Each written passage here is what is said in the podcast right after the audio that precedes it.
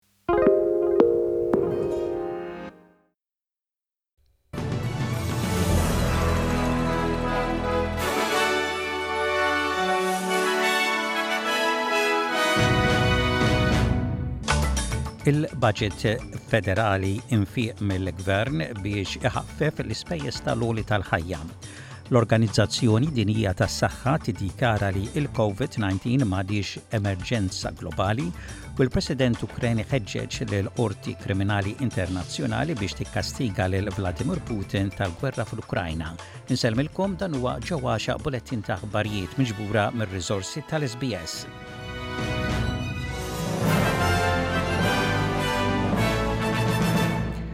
Il-Gvern Federali Awstraljan ser jonfoq aktar minn erbatax-il biljun dollaru fl-erba' snin li ġejjin biex jipprova jħaffef l-ispejjeż ta' l-għoli tal-ħajja. L-infiq tal-baġit federali li se jitħabbar uffiċjalment illejla se jinkludi għajnuna fil-prezzijiet tal-gass u l-elettriku lill-familji u lin-negozji. Jinkludi wkoll inċentivi tat-taxxa għat-titjib fl-effiċjenza ta' l-elettriku u l-enerġija u jalloka fondi għal mediċini orħos fost miżuri oħra.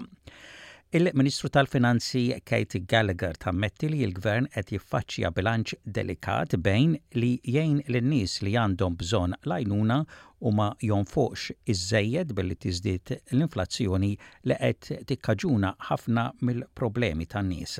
You know, that has been central to our thoughts. I mean, part of the answer to that is the savings that we're announcing in the budget, the fact that we have found $17.8 billion worth of savings and reprioritisation. So we're actually, you know, looking at where we can tighten our own belt as we're making investments in other areas of need.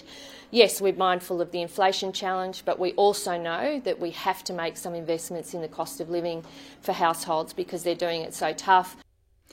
Fost iż-żidiet fil-budget, il-Prim Ministru Anthony Albanizi ħabbar il-ħlas tal-ġenituri weħidhom, single parents, ser ikompli jitħallas sakemm l-iżgħar tifel jew tifla jagħlqu l-erbatax-il sena. Qabel il-ħlas kien jispiċċa meta l-iżgħar tifel jew tifla jagħlqu t-tmien snin. Dan ifisser żieda ta' 176 dollaru u 90 xenteżmu kull ħmistax għal ġenituri weħidhom. Il-Prim Ministru jgħid li din iż-żieda hija essenzjali għall-futur tal-familji b'ġenitur wieħed. What the research has shown is that this is an investment. It's an investment in these families. I know first hand what it's like to grow up with a single mum doing it tough and we want to make sure that the children of single parent families had the best opportunities in life to go on and to fulfill, to aspire to a good life with good jobs, with security. Il-Gvern Federali il-lejla mistenni ħabbar surplus fil-budget ta' kważi 4 biljun dollaru. Jekk dan is-surplus iseħħ fl-aħħar tas-sena finanzjarja jkun l-ewwel baġit b'surplus fi ħmistax-il sena.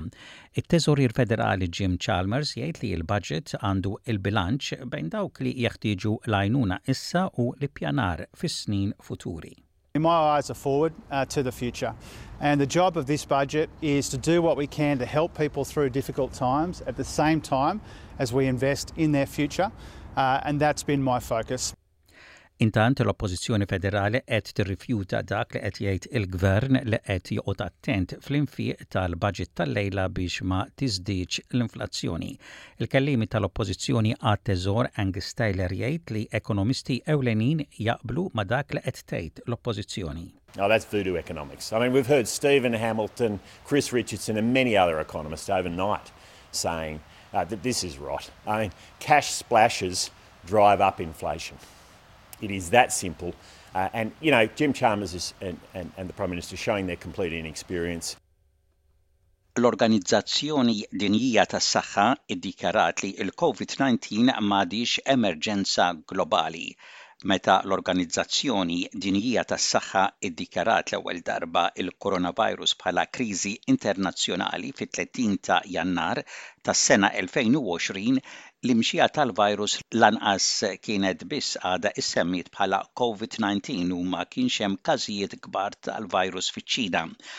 Aktar minn tliet snin wara, il-virus qatel tal-anqas seba' miljun persuna mad-dinja kollha, huwa kkalkulat li 764 miljun persuna ħadu l-virus u madwar ħames miljun persuna kienu mlaqqma b'tal-anqas doża waħda tal-vaċċin kontra l-Covid Uffiċjali ta' l-Aġenzija tas-Saħħa jgħidu li minkejja li l-fażi ta' emerġenza għaddiet, il-pandemija għadha ma spiċċatx. Eluf ta' nies għadhom qegħdin imutu kuljum mill-virus kull ġimgħa b'numru jikber riċentament fl-Asja tax-Xlokk u l-Lvant Nofsani. Intant minkejja l-proklama li l-Covid-19 mhix aktar emerġenza globali, id-Direttur ta' l-Organizzazzjoni Dinjija tas-Saħħa, Tedros Adhanom Ghebreyesus jgħid li l-virus għadu qed jinvolvi u joqtol ħafna nies. That does not mean COVID-19 is over as a global health threat. Last week, COVID-19 claimed life every three minutes. And that's just the deaths we know about. As we speak, thousands of people around the world are fighting for their lives in intensive care units, and millions more continue to live with the debilitating effects of post COVID 19 condition. This virus is here to stay. It's still killing and it's still changing.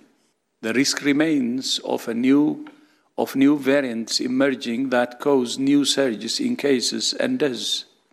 Il-President Volodymyr Zelensky qed iħeġġeġ lill-Qorti Kriminali Internazzjonali biex tikkastiga lil Vladimir Putin tal-gwerra fl-Ukrajna Volodymyr Zelensky żar The Hague fejn hija ibbażata l-Qorti Kriminali Internazzjonali, waqt li l-Qorti ma tistax taġixxi fuq aggressjoni ta' gwerra fiha nnifisha, Zelensky qed jitlob għal tribunal speċjali biex ikun jista' jagħmel dan. If we want true justice, we should not look for excuses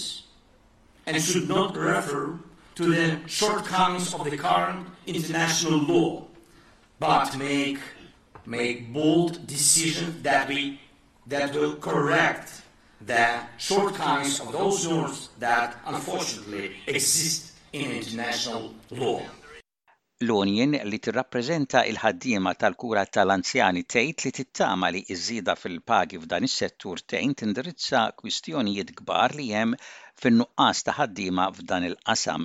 Il-Gvern Federali ħabbar li se jalloka 11.3 biljun dollaru fil-baġit għal żieda ta' 15 fil-mija għall-ħaddiema fil-kura tal-anzjani. Dan wara deċiżjoni mill-Kummissjoni għal Xogħol Ġust kif ukoll rakkomandazzjoni mill-Kummissjoni Irjali għall-Kura tal-Anzjani. Iż-żieda fil-pagi taffettwa aktar minn 250,000 ħaddiema fil-kura tal-anzjani u tkopri nurses irreġistrati, kokkijiet u ħaddiema li jaħdmu fid-djar tal-kura tal-anzjani. Id-Direttur tal-Kura tal-Anzjani tal-United Workers Union, Carolyn Smith tgħid li waqt li xejn mhu perfett, iż-żieda fil-pagi hija bidu tajjeb għal dan is-settur li jinsab f'diffikultajiet kbar. We know one of the big problems in aged care is the staffing crisis. This will mean a 15 per cent pay rise for most workers in aged care. And we, we think this will have a really big impact on the staffing crisis.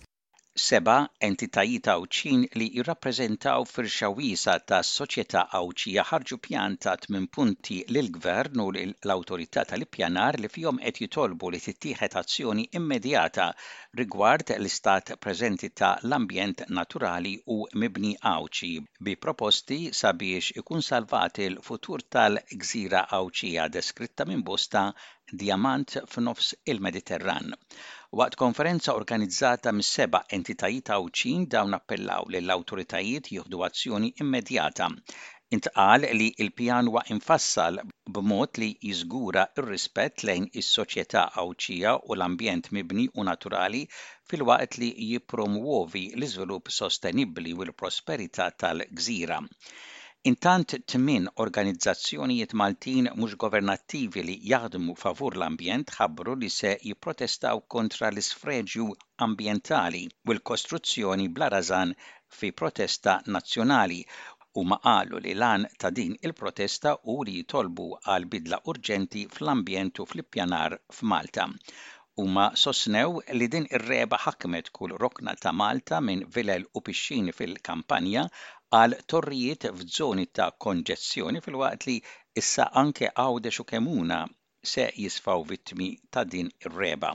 Huma wissew li dan kollu qed jissarraf fi problemi ta' saħħa fiżika u mentali għall-poplu kif ukoll ser ikabbar il-problema taż-żgħażagħ li jixtiequ jitilqu minn Malta.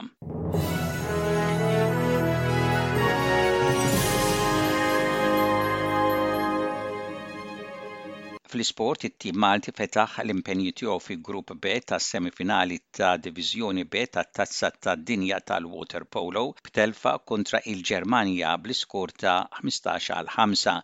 Iż-żewġ nazzjonijiet iltaqgħu kontra xulxin fil-Kampjonat Ewropew tas-sajf li għadda bil-Ġermaniżi dakinhar rebħu 14 għal 11. Fit-tieni logħba li ntlagħbet ftit sigħat wara it-tim Malti kien megħlub miċ-Ċina 18 għal 6 Ir-riżultat finali mhux ta' sorpriża meta wieħed iqis il-kwalità tat-tim Ċiniż. Meta ninsabu daqs 20 ġurnata mill-ftuħ tat-dsatax-il edizzjoni tal-Logħob tal-Pajjiżi ż-Żgħar tal-Ewropa, il-Kumitat Olimpiku Malti flimkien mal-Kumitat Organizzattiv ta l-aħħar dettalji dwar il-Logħob li ser isir f'Malta. Mark Cutajar bħala Chairman tal-Kumitat Organizzattiv għamel enfasi li l-edizzjoni ta' Malta se tkun l-aqwa waħda mil-lat organizzattiv u fl-istess waqt b'aċċenn għal l-atleti tenna li rċivew l-aħjar kundizzjonijiet possibbli. L-istess atleti Maltin ser ikunu alloġġjati f'lukanda differenti maqtugħa minn kontinġenti oħra. B'referenza għaċ-ċerimonja tal-ftuħ Cutajar ħabbar li ser issir fuq il-Fosos tal-Furjana fejn l-atleti minn disa' pajjiżi ser ikunu parti mill-istess ċerimonja. Julian Pace Bonello, President tal-Kumitat Olimpiku Malti, tkellem dwar l-importanza tal-logħob u l-mod kif il-pajjiżi li ser jieħdu sehem qed iħarsu lejn Malta. U ntemmu dan il-Bulettin ta' Aħbarijiet b'ħarsa lejn ir-rapport ta' temp bħall-biet tax-xita mistennija f'Perth, f'Adelaide, f'Melbourne, f'Hobart u f'Newcastle, temp imsaħħab mistenni f'Canberra u temp il-biċċa l-kbira xemxi mistenni f'Wollongong, f'Sydney, fi Brisbane, f'Cairns u f'Darwin. Dak kien bulettin ta' aħbarijiet mir-radju ta' l-SBS għal-lum it-Tlieta, id-disa' jum tax-xahar ta' Mejju tas-sena 2023.